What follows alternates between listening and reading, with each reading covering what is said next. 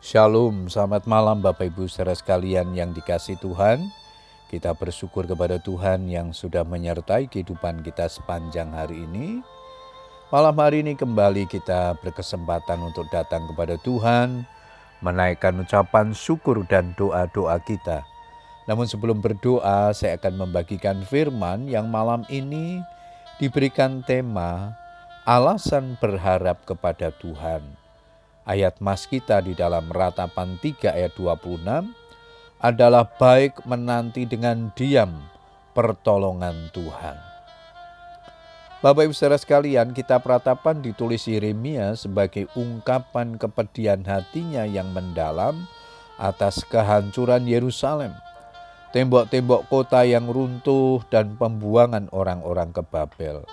Sambil duduk ia menangis dan meratapi Yerusalem Ah, betapa terpencilnya kota itu, yang dahulu ramai laksana seorang jandalah ia, yang dahulu agung di antara bangsa-bangsa, yang dahulu ratu di antara kota-kota, sekarang menjadi jajahan.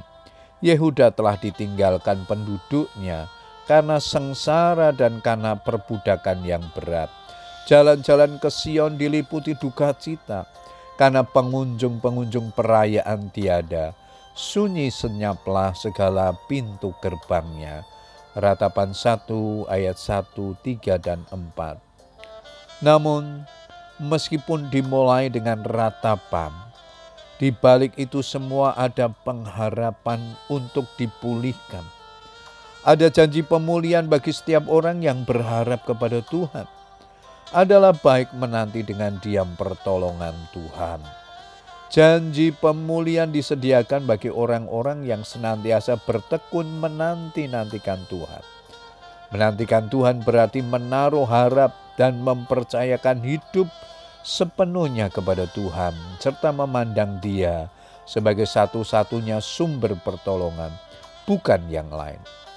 Sebab Dia memberi kekuatan kepada yang lelah dan menambah semangat kepada yang tiada berdaya.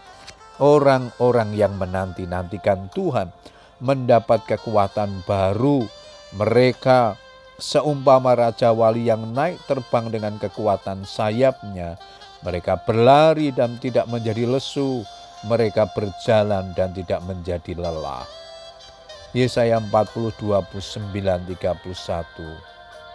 Orang yang menanti-nantikan Tuhan akan beroleh kekuatan baru, kemampuan untuk mengatasi masalah, dan kesanggupan untuk terus berjalan maju melewati badai persoalan.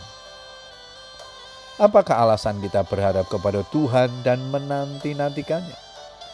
Karena tak berkesudahan kasih setiap Tuhan, tak habis-habisnya rahmatnya, selalu baru tiap pagi, besar kesetiaanmu.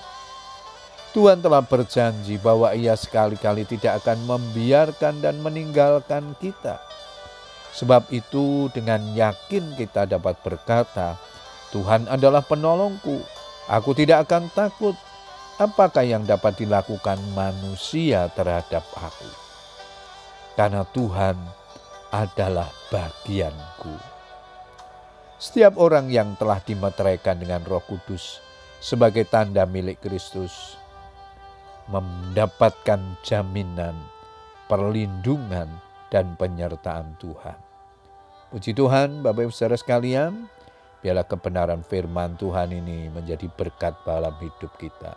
Selamat berdoa dengan keluarga kita. Tuhan Yesus memberkati kita semua. Amin.